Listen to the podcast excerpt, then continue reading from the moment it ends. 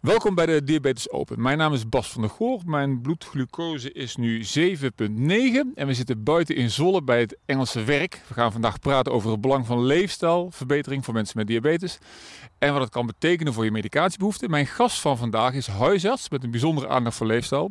Ze is voorzitter van de eh, Vereniging Arts en Leefstijl en sinds maart 2022 ook bestuurslid van de Bas van der Goor Foundation. Welkom Iris de Vries. Ben je er klaar voor? Zeker Bas. Dan gaan we beginnen.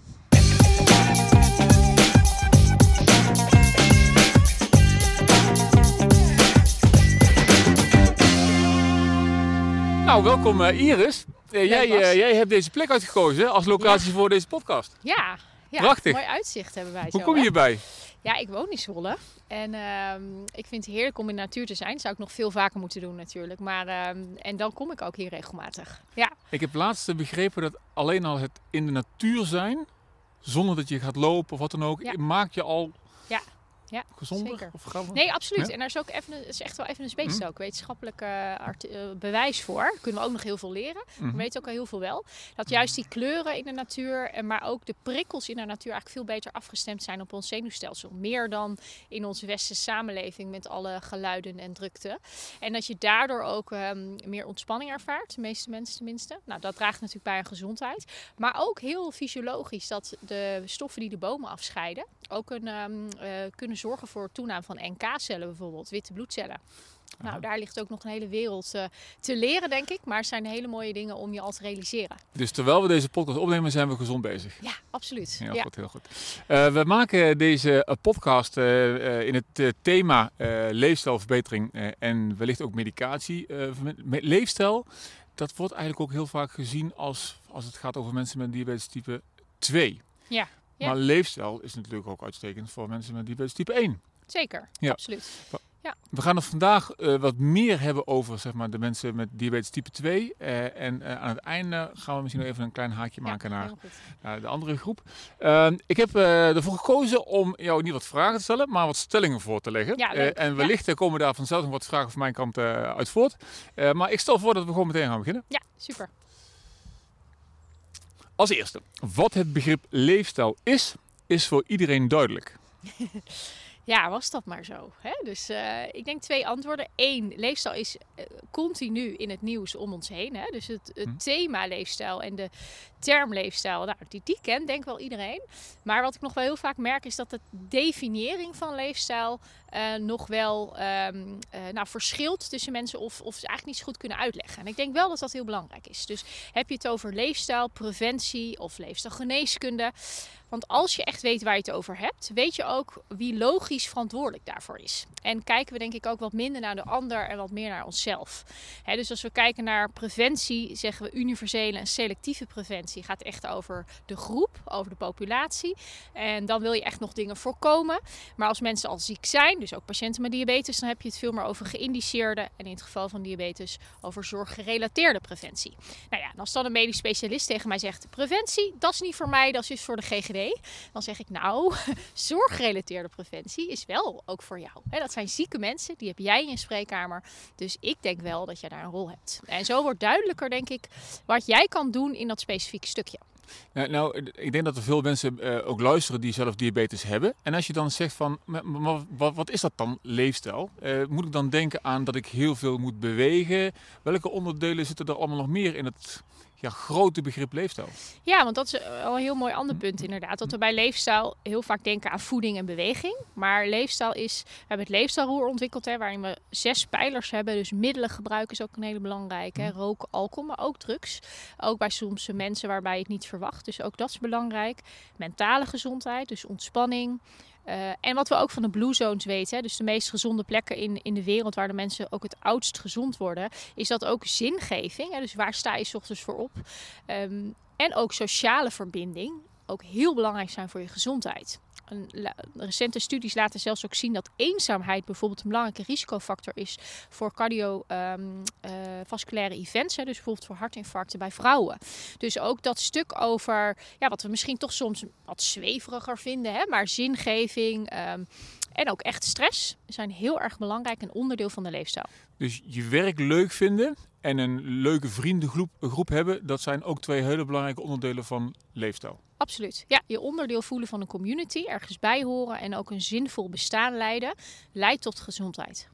En, en zie je dat het begrip leefstijl bij zorgverleners en bij de mensen uh, om wie het gaat, is daar Hmm, snappen, snappen mensen ja, elkaar? Is daar verschil Ja, tussen, verschil ja. ja, ik denk het wel. Er is ook een hele mooie studie gedaan waarin eigenlijk patiënten en- en burgers is gevraagd Mhm. van nou, wat vind je nou domeinen eh, waar logisch naar gekeken kan worden. Mhm. En dat is ook aan zorgverleners en beleidsmakers bijvoorbeeld gevraagd. En dan zie je heel dat je body eh, measurements, hè, dus wat je meet, bijvoorbeeld je bloeddruk of je cholesterol, dat vinden patiënten belangrijk. Maar ze vinden spiritualiteit eigenlijk net zo belangrijk. Dus ja, waar, wa- wat religieus, maar ook meer zingeving. Hè? Dus Mhm. Wa- wa- wat vind je belangrijk? Terwijl je dan bij de beleidsmedewerkers en de, en de artsen ziet dat zij denken dat die spiritualiteit helemaal niet zo belangrijk voor die patiënt is. Maar veel meer die metingen. Dus daar zit wel een verschil. Ja, Oké, dus, dus heb je het idee dat, dat, dat zeg maar, zorgverleners iets te veel eh, willen meten eh, in plaats van dat ze het gesprek aangaan? Ja dat denk ik wel. Ja. Ik denk ook dat we dat minder leren op de opleiding. Hè. Hm. Ik noem dat ook wel het andere gesprek voeren. Ook vanuit positieve gezondheid, wat dat heel mooi, denk ik, eh, neerlegt. Ehm, en dat ja, is wel echt een ander gesprek. Het is ook leren van die patiënt wat leefstijl voor diegene is. Want ook bij elke patiënt is dat weer anders. En ook wat eh, op dat moment het logisch is om mee aan de slag te gaan. En het, ik zeg altijd met het roer, het is niet mijn leefstijlroer, maar dat van de patiënt. Oké, dankjewel. Ehm het tweede. Het belang van het bevorderen van leefstijl is voldoende bekend bij mensen met diabetes. Ja, ik denk het wel. Ik denk dat dat wel altijd een onderwerp is. Ook zeker bij de periodieke controles bij de huisarts. Ik denk in het ziekenhuis dat het nog wel eens wordt overgeslagen. Zou het daar meer Ehm, moeten zijn? Zou het daar meer aandacht ja, moeten krijgen? ja, absoluut. In de tweede lijn zeker. Ja, ja ik, ik, ehm, gelukkig ken ik heel veel internisten dat ik denk, wow, wat fantastisch. Maar ik ken er ook wel een paar dat ik denk, hoe is het mogelijk hè, dat, dat je eigenlijk alleen maar aandacht voor de medicatie hebt. Ja. Eh, wat ook echt, af, echt moet hè, eh, bij sommige patiënten. Maar dat leefstijl helemaal niet een onderdeel is. Ehm, en ik ook wel patiënten eh, meemaken die dan het ziekenhuis redelijk eh, gereguleerd ingaan, maar voor een andere reden worden opgenomen. Ook koolhydraatarm eten bijvoorbeeld, de insuline zal hebben kunnen afbouwen. En dan komen ze terug, zijn ze helemaal van, helemaal van de leg. Ja, Mhm. Dus dan, dan moeten de insulines weer opgebouwd worden. En, eh, ja. Dus het, natuurlijk is het eh, belangrijk dat eh, mensen de juiste medicatie gebruiken. Maar zeker als het gaat over diabetes type 2 kun je daar nog wel een beetje mee spelen. Hè? Er is geen enkele medicatie die nee. ervoor zorgt dat je geen type 2 meer hebt. Nee, zeker. Maar betere leefstijl, gezondere leefstijl eh, helpt daar wel heel erg. Dus het is meer een balans vinden tussen leefstijladviezen en medicatie. Ja, en ik denk wel dat voor heel veel patiënten met diabetes ook nog de, ehm, eh, nou ja, het, de impact van de leefstijl nog onvoldoende bekend is. Hè? Dus dat je echt medicatie kan afbouwen, insuline echt kan stoppen door een intensieve leefstijlverandering. Mhm. Dat is denk ik nog niet altijd bekend. Nou, dat is een mooi bruggetje naar mijn volgende. Eh, namelijk het belang van het bevorderen van leefstijl is voldoende bekend bij de zorgverleners. Want je zou zeggen, ligt daar een rol voor de zorgverlener om misschien uit te leggen, beter uit te leggen, wat een, een gezonde leefstijl kan opleveren. Ja, ik denk het zeker. En als je naar onze richtlijnen kijkt, dan zie je dat eigenlijk ook. Hè, dat het wel altijd de eerste stap is die wordt genoemd bij eigenlijk alle chronische aandoeningen. Maar ja, de praktijk wijst uit dat, dat daar heel snel overheen wordt gegaan. En dat heel veel huisartsen ook wel tegen mij zeggen: Ja, maar ik heb het al geadviseerd, ik heb het al gezegd. En de patiënt doet het niet of het lukt niet. Maar ja, we weten van gedragsverandering, hè, dat duurzame gedragsverandering niet ontstaat door het alleen te zeggen. Daar is meer voor nodig. Dus ik denk meer uitleggen wat het belang is, maar dat zelf dus ook begrijpen en, en weten. Want heel veel zorgverleners weten ook nog onvoldoende zelf wat de impact is van leefstijl op bijvoorbeeld medicatiegebruik. En eh, dus daar begint het. Ze moeten eerst zelf eigenlijk beseffen wat het effect is. En je, je- gaf al eerder aan, dat ik, word je misschien ook te te weinig in opgeleid. Dus te weinig in de, in de opleiding. Wat, wat zou het vragen van de opleiding om hier meer aandacht aan te geven? Ja, ik denk ten eerste echt kennis. Hè? Hm. Kennis over wat leefstijlinterventies ook fysiologisch doen. Dus wat, wat is insulineresistentie nou i- echt? Hè? We leren natuurlijk wel wat insulineresistentie is, maar wat is nou echt de oorzaak en hoe zit dat fysiologisch echt in elkaar? En ook wat is het effect van leefstijl daarop? Dus die relatie. En ook hoe doe je dat? Hè? Hoe maak je dat bespreekbaar? Hoe voer je dat andere gesprek? En hoe leg je de regie bij de patiënt? En welke tools en vaardigheden kan je dan gebruiken om dat ook kort en eh, adequaat te doen? En dat zou in de opleiding denk ik veel meer ruimte mogen krijgen. wij hebben met onze Nationale Diabetes Challenge, dan zien we echt wat er gebeurt. Ja, en, we zien, ja. en, en volgens mij is het ook heel belangrijk dat je ook meekrijgt vanuit de praktijk, ervaart wat het met doet met mensen. Ja. En eh, het alleen in de behandelkamer zeg maar, voorschrijven. eh, kan ik me voorstellen dat het vanuit de theorie werkt, maar dan, ik kan, als, je, als je weet wat het, wat het betekent, dat je het ook beter ja, kunt verkopen, klinkt een beetje... Nee, maar dat is ook Ja, zo. Ja, ja. ik heb met dus een toenmalige stagiair, zij werkt nu voor eh, IPH-organisatie, maar het, een onderzoek gedaan ehm, over het effect van hoe eh, huisartsen, random, eh, dus niet eh, Leefstijl Pro-huisartsen, echt een random populatie, steekproef, hoe de relatie is tussen hoe ze naar hun eigen leefstijl kijken en wat ze ermee in de praktijk doen. En die relatie is heel duidelijk. Dus als ze hun eigen leefstijl hoger scoren, hoeft echt niet perfect te zijn, hè, maar wel hoger scoren, ze zijn er ook meer mee bezig, zie je dat ze het ook veel meer in de praktijk toepassen en ook veel meer toeleiden naar een verwijzing. Dus ik denk dat je dat heel goed zegt en daar ook gelijk in hebt. Dat je- nogmaals, het hoeft niet perfect te zijn. Mijn leefstijl is ook helemaal niet perfect. Mhm. Hè? Dus ik heb twee kleine kindjes, dus ontspanning en, eh, en slapen zijn mijn pijlers om, eh, om elke dag weer aandacht voor te hebben. Eh, maar je verhoudt je wel tot het onderwerp. Hè? Je bent er veel mee bezig. Waardoor je, denk ik, ik in ieder geval ook echt wel snap dat het ook hartstikke lastig is. En als je dat uitstraalt en niet ehm, boven de patiënt gaat staan, maar ernaast. En ook, ik kan zo, ja, ik denk ook echt goed begrijpen dat het heel moeilijk is om je gedrag te veranderen. Ja, dan krijg je echt een shared decision. Hè? Krijg je denk ik echt een samenwerking. Ja. En daar ben je naar op zoek. Dus eh, helemaal eens. En ik denk als, als huisartsen, artsen, zorgverleners zelf ook gaan ervaren wat leefstijl voor hen doet. Of bijvoorbeeld meelopen hè, met, eh, met die mooie challenge. Dat je het ook in de spreekkamer veel beter doet. Ja, Dus eigenlijk een soort van verplichte eh, stage ja in de praktijk. Dat zou Ja. wel heel mooi zijn, Bas. En niet, Goed en- idee. En, niet alleen in het ziekenhuis of in de artsenpraktijk, precies. maar juist ook daarbuiten in Ja. het sport- of gemeentelijk domein. Ja, ja, ja. Een goed idee. Mooi. Ehm, dan gaan we naar de volgende stelling. Eh, de huisarts is hoofdverantwoordelijke voor het bevorderen van leefstijlverbetering in de praktijk. Ja, dat is een hele mooie. Eh, ik denk dat het wel aan ligt- Sommigen zijn een beetje scherp. Ja, nee, dus, maar dat is eh, juist leuk. Ja, Nou, ik denk dat het wel aan ligt welke populatie je het over hebt. Hè. Maar deftig te zeggen van ja, als het echt gaat over patiënten met diabetes die in de keten zorgen, dus bij ons, bij de huisarts, hun zorg krijgen, denk ik dat je gelijk hebt. Als je veel meer kijkt naar welzijnsproblemen, die ook vaak als medisch probleem bij ons komen. Hè. Dus wat ik heel veel merk aan mijn collega's ook, is dat, dat er medische hulpvraag lijkt te zijn, maar dat er vaak daarachter heel veel welzijnsproblemen zijn. Financiële problemen, scheiding, ehm, werkloosheid. Ja, dat zijn geen problemen die wij in de zorg eigenlijk ook niet moeten oplossen en ook niet eh, bij ons horen. Wat ik denk wel dan vind, is dat wij wel verantwoordelijk dan zijn voor het verwijzen en het teruggeleiden naar de nulde lijn of, of het sociale domein. Om te zorgen dat ze dan wel de hulp krijgen die ze wel nodig hebben. Dus dat ik- lijkt me wel een hele lastige, zeg maar, om de, de, de echte vraag achter de Ja, vraag ja, de vraag achter de vraag hè, Ja. wordt dat ook wel eens genoemd. Ja, ja. Ja, en ik, ik zeg zelf altijd ja, de drie keer waarom. Dus bijna nog de vraag achter de vraag achter de vraag. Mhm. Ja, en soms duurt het ook wel even voordat je die helder krijgt. Weten mensen dat zelf ook niet altijd. Is voor mij ook wel eens een puzzel. Maar ik heb wel ervaren dat als je daar de tijd voor neemt en de moeite voor doet, dat je dan ook wel echt bij de kern komt. En dat mensen dan ook minder vaak terug hoeven komen. Ja, het eigenlijk die pillen niet altijd nodig zijn, maar je veel meer resultaat kan boeken als je daar eh, mee aan de slag gaat. Is daar ruimte voor in jullie eh, praktijk, zeg maar, in, in zeg maar, de, de dagelijkse gang van zaken? Ik hoor wel eens van ja, een huisarts die, moet, die krijgt heel veel op zijn bordje en die, die heeft er eigenlijk te weinig tijd voor. Eh, maar als je zegt ik moet drie keer waarom vragen, dan moet ik drie keer goed luisteren. Mhm. En dat, dat kost tijd. Ja, ja.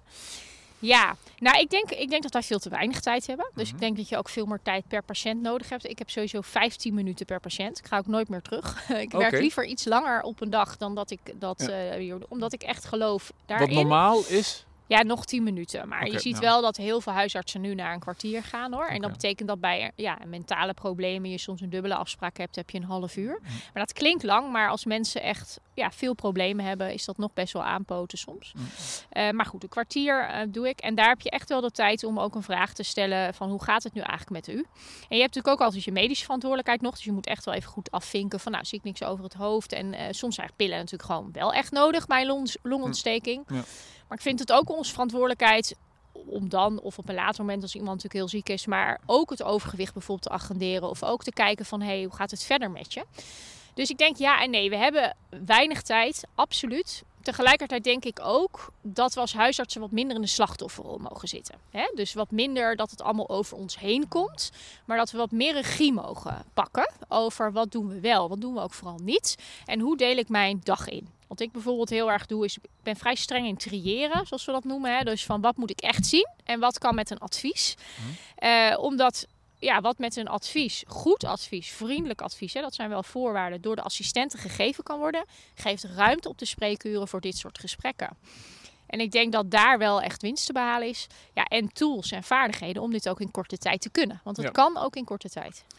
Ja, dus dus eh, hoofdverantwoordelijke en huisarts op bepaalde vlakken, en bepaalde zeg maar, fases in, in, in zeg maar, de situatie van mensen. Dus als het gaat over, echt over diabetes en ervoor zorgen dat er geen complicaties optreden. Hè, dat is de, dat is de eh, Ja. zorggerelateerde preventie, de geïndiceerde Precies. Preventie. ja. Dat zijn wel een beetje moeilijke woorden. Maar op het moment dat, dat, dat, dat, dat we, hè, en ik, ik heb zelf ook diabetes, maar Mhm. laten we zeggen zieke mensen, ik heb een chronische ziekte en gewoon Mhm. zieke mensen minder eh, niet zieker laten worden, dat is Precies. belangrijk. Maar om gezonde mensen niet ziek te laten worden, die taak ligt bij anderen. Nou, dat vind ik ook wel dat de huisarts daar een hele belangrijke rol in heeft. Omdat Mhm. wij natuurlijk ook mensen zien eh, met eh, grote tegenstoten of, of de pols met het skileren.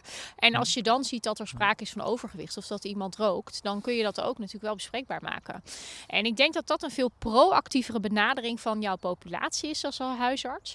Ja, en daar mogen we echt nog in groeien over hoe we dat vormgeven. Daar is nu ook gewoon wel heel weinig ruimte voor en weinig middelen. Dus ik vind ook dat de financiële prikkels ook dan in die kant Ja. eh, vormgegeven zullen moeten worden. Ja, en wat je dan voor je bijvoorbeeld kan zien is van ja, mensen eh, die roken, ehm, stoppen met roken, actief aanbieden, metabol syndroom, hè, dus overgewicht hebben, hoge bloeddruk erbij, hoog cholesterol. Komt soms al voor bij mensen van 30, 40 jaar die dat hebben.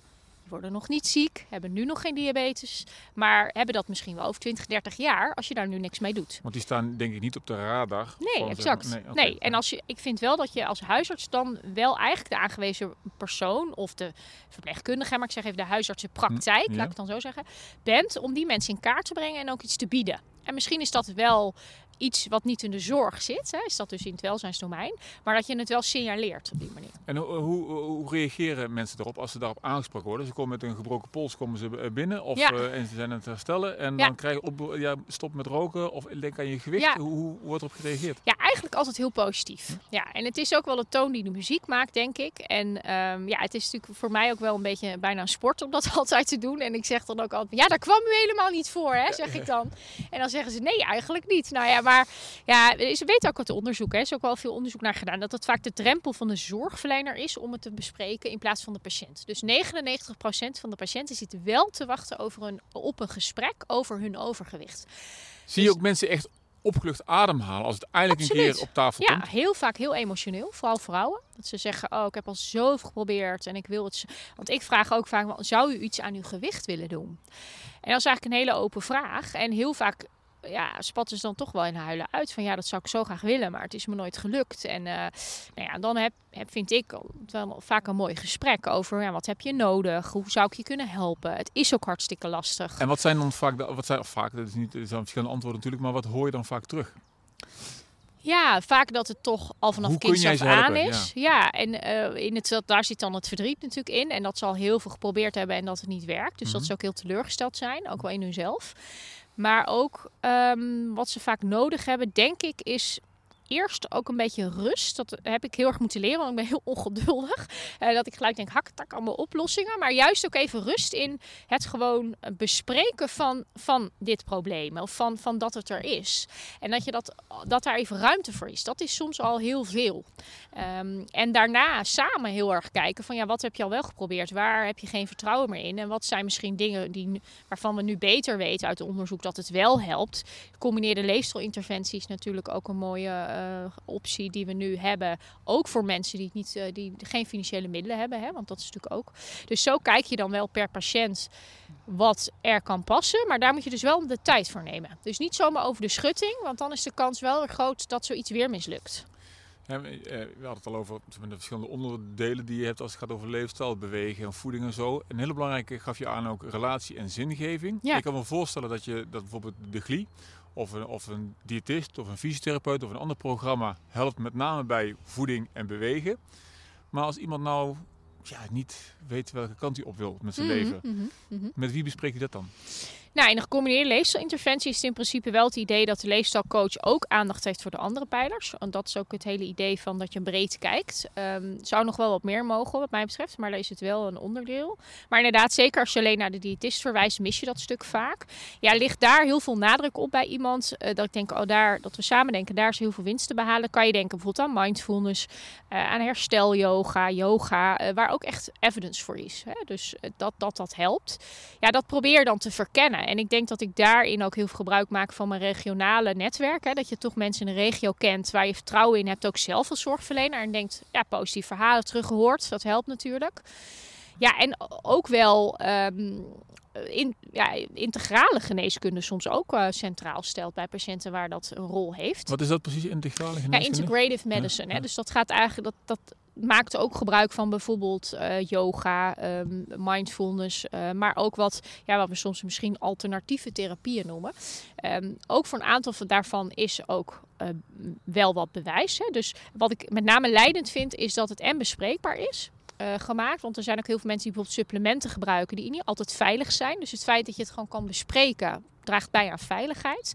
En als het, als het veilig is om, ja, yoga is veilig om, om te beoefenen. Als dat die patiënt op dat moment heel veel verder helpt in zijn herstel, dan denk ik dat dat heel passend is op dat moment. En dat dat ook dus passende zorg is. En dan zetten we denk ik echt de patiënt centraal en niet de eh, zorgmogelijkheden die we hebben. En daar probeer ik wel een beetje naar te zoeken in de praktijk. Van hoe kunnen we dat zo passend mogelijk maken. En als je nu kijkt, ik ga nog even door op dit thema. Ja. Eh, dus de huisarts is hoofdverantwoordelijke. Eh, zijn er nog andere partijen die mede verantwoordelijk zijn? En wie zouden dat zijn? Ja, goede vraag. Ja, ik denk eigenlijk wel allemaal. En wat corona ons denk ik heeft geleerd en heeft laten zien, is dat economie, gezondheid, eh, maar ook klimaat, wat natuurlijk heel actueel is, eh, milieu, is allemaal met elkaar verbonden. Onderwijs. Ik denk dat we het heel erg in domeinen ehm, benaderen en oplossingen proberen te zoeken, maar dat we veel integraler moeten kijken. Dus willen we ook dat er steeds minder mensen komen die diabetes type 2 hebben we het dan natuurlijk over, zul je ook op school moeten beginnen. Dus ook het onderwijs is verantwoordelijk voor de zorg van de toekomst. Nou, en dat soort ges- gesprekken zijn er denk ik nog te weinig. Dat verband wordt nog wat te weinig gezien. Het is natuurlijk ook complex, maar het is denk ik wel echt nodig om eh, duurzaam voor de lange termijn eh, hier echt verbetering eh, in te zien. Voor de meer kortere termijn denk ik dat je echt moet denken aan gemeenten, zorgverzekeraars, eh, centrale overheid die daar ook een rol in heeft met regulering bijvoorbeeld. Hè. Dat, dat vind ik ook echt. Eh, maar ook de patiënten zelf. Ehm, eh, en als je dan de- een stapje maakt naar de, naar de overheid, vaak horen we ook de lokale de gemeentes en het sportbedrijf, die zijn eigenlijk heel erg op zoek naar een connectie met de zorg. Ja. En de zorg wil eigenlijk ook wel de connectie met Mhm. het sportbedrijf en de gemeente. En toch horen we vaak dat ze elkaar niet weten te vinden. Nee, Heb, nee. je, daar- heb je daar nog een, nog een gedachte over of een tip? Of wat, wat, hoe komt dat? Ja, ik denk dat het komt omdat we het niet zo ingericht hebben. Dus eh, het is vaak ook niet bekend ja, bij de gemeente wie moet ik dan bellen als huisarts. Geen idee. Eh, Dus ik denk dat het kennen van de regio en het weten van elkaar wie. Stel je hebt een patiënt met heel veel financiële problemen. Ja, wie moet ik dan. En ik zou er iets mee willen. Wie is er dan van de gemeente bereikbaar van de financiële hulpverlening die ik daar. Die ik bijvoorbeeld kan zeggen van hoe kunnen we dat aan? Dat, dat is niet bekend. Dus ik denk dat van beide kanten we veel meer gegevens, gewoon contactgegevens, heel simpel eigenlijk, hè, maar moeten, moeten delen. En wat je in regio's soms heel mooi ziet gebeuren, zijn toch eh, symposia of netwerkevents die worden georganiseerd rondom een thema waarin mensen elkaar ook echt ontmoeten fysiek. Ja, en dan zie je ook dat die samenwerkingen veel meer vorm krijgen. Mooi, heel goed. Eh, gaan we door naar de volgende. Eh, mensen met diabetes in beweging brengen levert de huisarts meer op dan het kost. Ja, nou ja, absoluut. Het gaat natuurlijk wel om de termijn. Hè? Dus als je denkt, hoe kom ik zo snel mogelijk mijn dag door? Dan, eh, ja, dan ben ik heel eerlijk. Als je echt alleen maar naar één dag kijkt, kost het je gewoon wel soms meer tijd.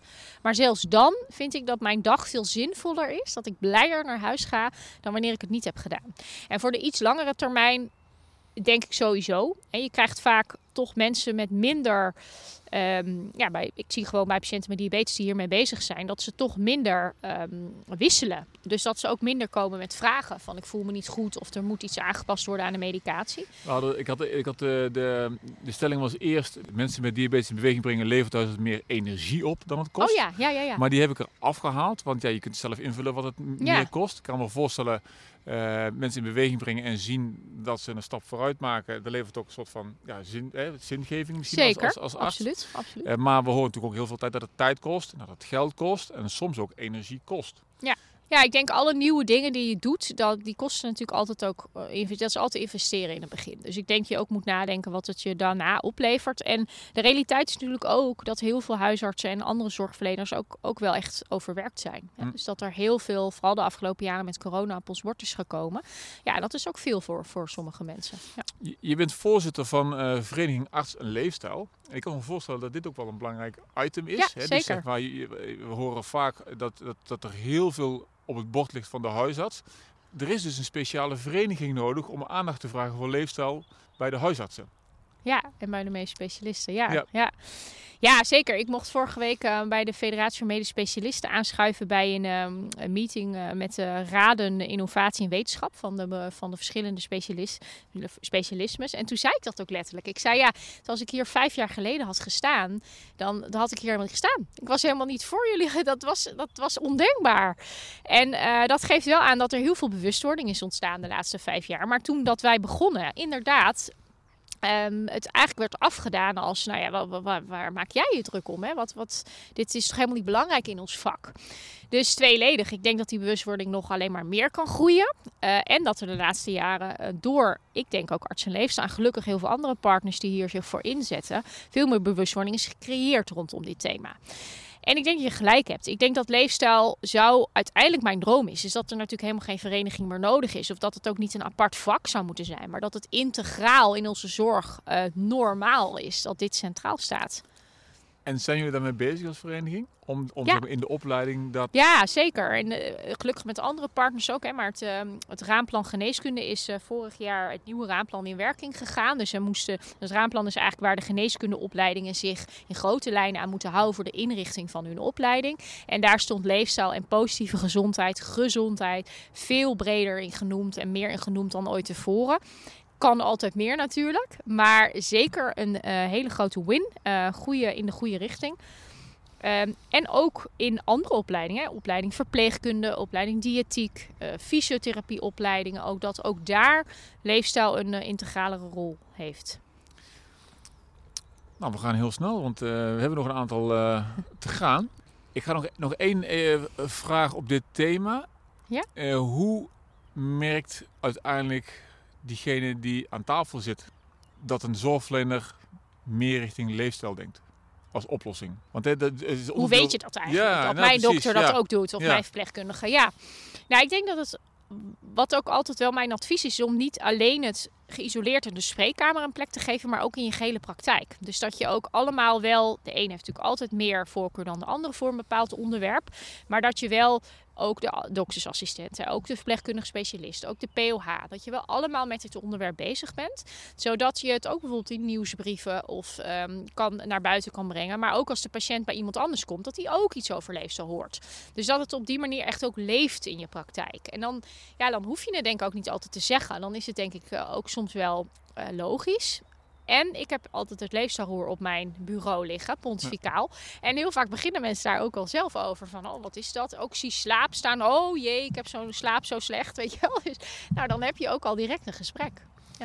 Ja. Zie mensen het in de, in de, in de wachtkamer ook al? Eh, dat er iets van ik hoorde laatst een, een, staande uh, wachtkamer. Dat je moet staan en dat er maar een paar stoelen staan. En dat de rest blijft staan. Ja, ja, wat goed. Nou, dat zou ik in, bij onze praktijk ook nog wel eens kunnen introduceren. Wat in veel praktijken al zo is, is dat er wachtkamerfilmpjes zijn. Waarin je ook dit soort korte leefstijl-items kan, uh, kan nutjagen. noemen we dat nudging. Dus op kleine, kleine triggers geven om, om er toch over na te denken.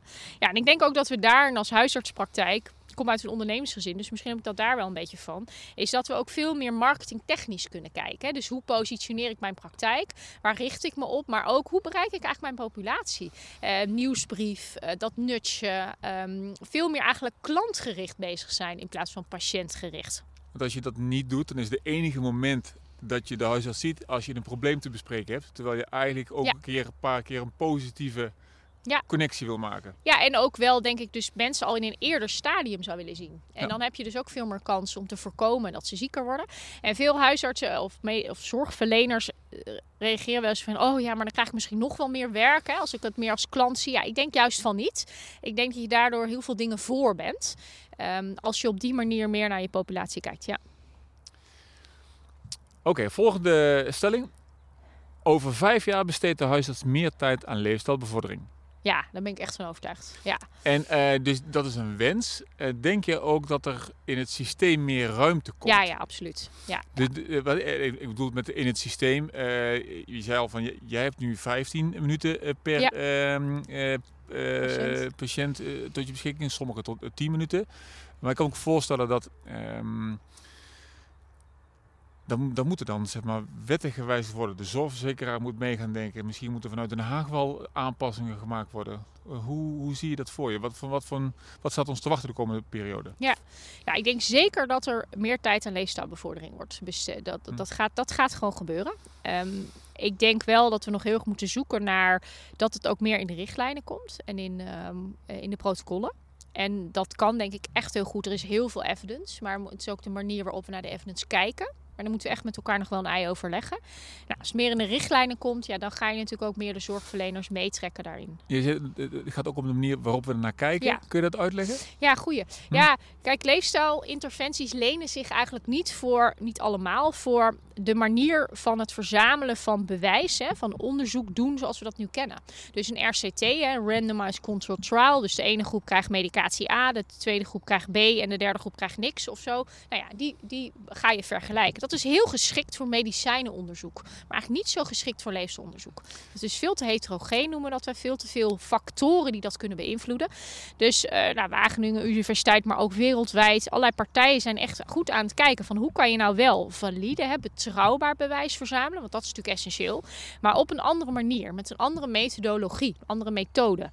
Nou, en citizen science hè, bijvoorbeeld, burgerwetenschap. Dat je veel meer vanuit um, de populatiegegevens verzamelt, lijkt heel um, ja, passend te zijn om meer bewijs te verzamelen. Ook daar moeten we nog veel meer leren. Maar dat maakt wel dat je ook anders gaat selecteren in je onderzoeken. Als je bij een protocol zegt, we kijken alleen maar naar RCT's, ja, dan mis je ook gewoon hele belangrijke essentiële informatie die niet alleen maar in een RCT is aangetoond.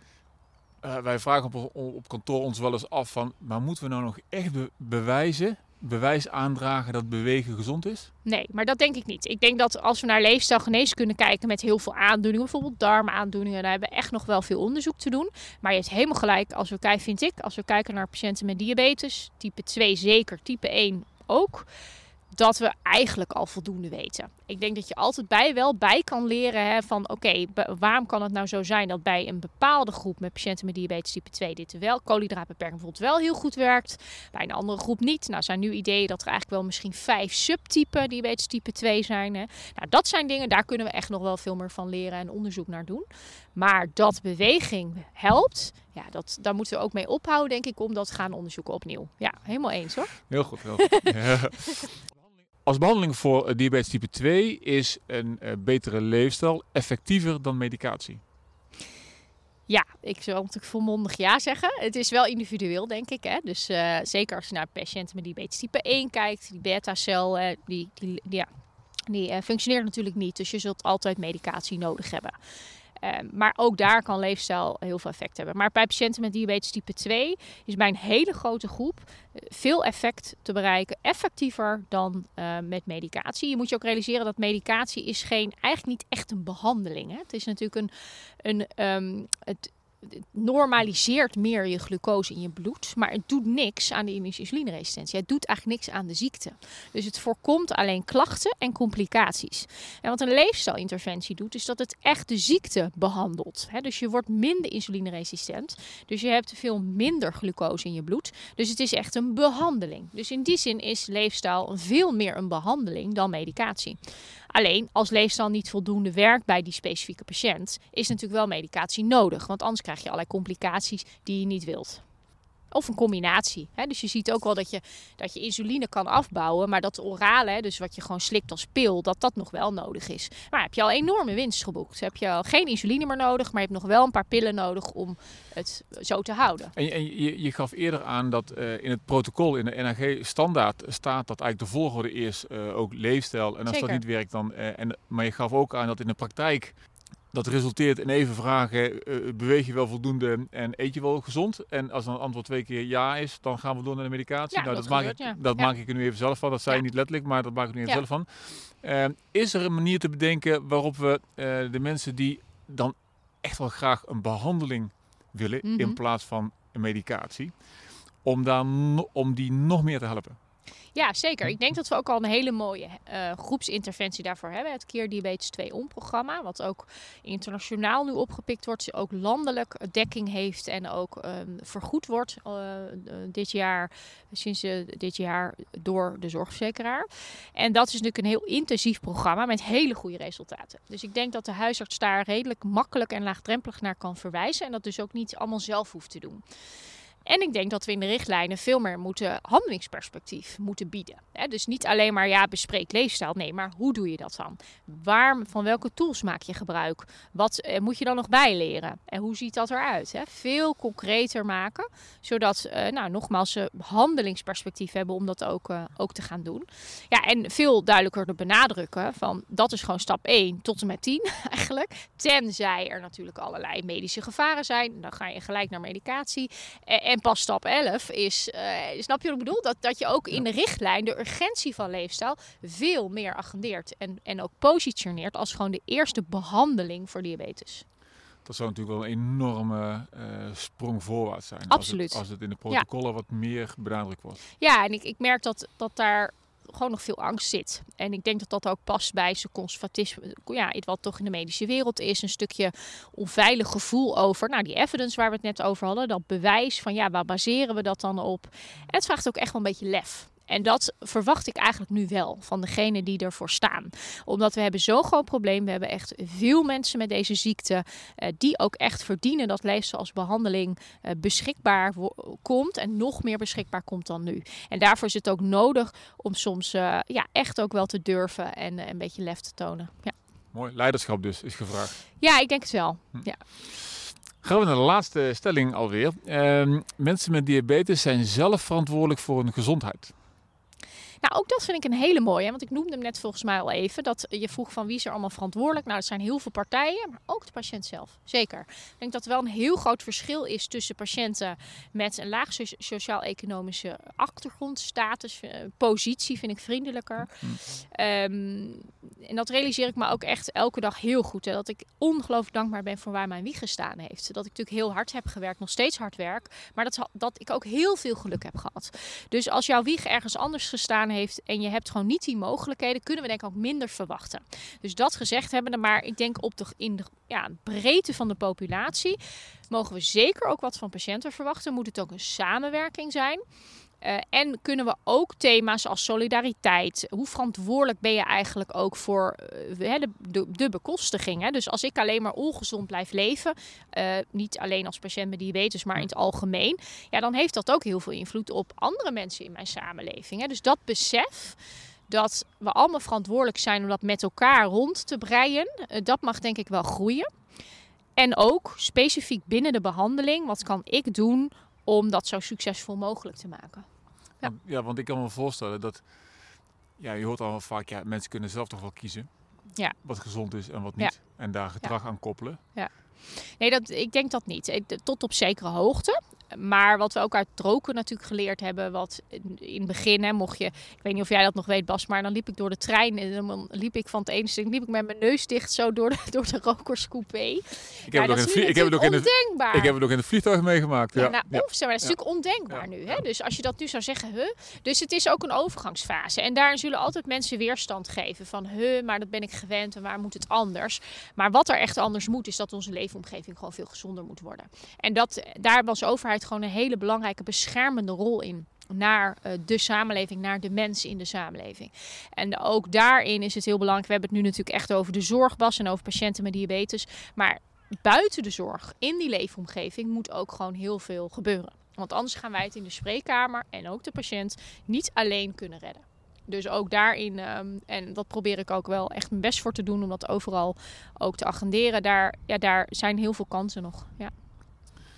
Mooi, we hadden beloofd in het begin nog dat we ook nog even een stapje zouden maken naar, naar de type 1. Terwijl het hier een beetje frisser begint te worden. Ja, het gaat ietsje meer uh, Dus uh, iets meer waaien. Vanwege de mooie locatie maken we er toch even de laatste vraag Ja hoor, zeker. Want uh, ik was denk ik een jaar of twee geleden bij een congres nog vlak voor de COVID. En toen, toen hoorde ik een, een internist zeggen... Hey, ja Bas, maar ja, tegenwoordig is de zorg voor mensen met type 1 zo goed dat jullie even oud worden en ook gewoon te maken krijgen met andere ouderdomskwalen. Ja. Ja, dus voor jullie is het ook heel belangrijk om, om aan leefstijl te werken. En ja, eigenlijk opende die daar een beetje mijn ogen uh, mee. Want ja, mhm. wij, wij praten eigenlijk over leefstijl bijna altijd in relatie met mensen met diabetes type 2. Ja, ja. Maar dat geldt natuurlijk ook voor mensen met diabetes type 1, omdat het ook gaat helpen ten eerste voor die andere ouderdomskwalen mm die op een gegeven moment op ons pad komen. En ten tweede ook over ja, het management van je diabetes type 1. Ja. Hoe beter je slaapt, hoe stabieler je suikers, eh, hoe meer je beweegt, hoe stabieler je suikers, hoe gezonder je eet, hoe stabieler je suikers. Dus in hoeverre eh, is er aandacht voor leefstijl bij diabetes type 1? Ja, ik denk dat dat nog, nog beperkter is dan nu. En dat dat mhm. nog veel meer zou kunnen. En ja, zelf, ja, je hebt natuurlijk alle ervaring ook zelf mee. En dan geef je denk ik al de mooie antwoorden door te zeggen... ja, je hebt gewoon een veel betere regulatie. En uh, ja, volgens mij, dat vertel jij natuurlijk ook mhm. wel... als, als jij uh, beter slaapt, dan zie je dat ook gewoon terug aan je suikers. En dat, zo werkt dat. Dus dat werkt denk ik voor alle patiënten met diabetes type 1. En ook daar geldt weer dat het heel individueel is. En dat je heel goed jezelf ook moet leren kennen. Wat ook heel erg werkt is het denk ik ja, de continue metingen hè, die we nu kunnen doen. Zodat je veel beter over de dag ziet van ja, wat doet voeding eigenlijk met mij? Wat doet slaap? En dat brengt me ook wel op data. Hè. Dus op data en heeft ook een relatie natuurlijk met patiënten met diabetes type 2. Doordat die data verzamelen we dat nog veel intensiever kunnen doen. Nog veel beter kunnen leren over wat nou in de leefstijl essentieel is voor die regulatie. Maar dus ook zeker voor patiënten met diabetes type 1. En ook ter voorkoming van andere, uh, van andere aandoeningen. En ja, dat is bij zorgverleners denk ik nog minder bekend. Uh, vinden ze nog spannender is denk ik voor de eerste lijn ook ietsje minder aan de orde. Omdat wij de patiënten natuurlijk niet in... Als die, wij zijn geen hoofdbehandelaren. Patiënten met diabetes type 1 zitten natuurlijk bij de internist. Maar komen natuurlijk wel ook voor allerlei andere klachten weer bij ons. Dus die samenwerking... En daar spreek jij ze weer aan? Ja, uh, ja dat probeer ik wel, ja. En dan bel ik wel eens de internist. Uh, als ik dan toch uh, tijd heb of tijd maak om, om toch even te overleggen van... Ja, huh, kunnen we hier toch samen nog iets anders in verzinnen dan dat dan er nu gebeurt. maar dat zou vanzelfsprekend moeten zijn, denk ik. Dankjewel Iris de Vries voor dit gesprek en je reactie op onze stellingen. Heel fijn om met jou te praten over leefstijlverbetering en de medicatievermindering. Mocht je nog vragen hebben over dit onderwerp, stel ze dan via onze site. En volgende maand praten we over het thema jongvolwassenen met diabetes. Dus uh, hopelijk luister je dan weer. Zeker. Dankjewel. Jij ook bedankt.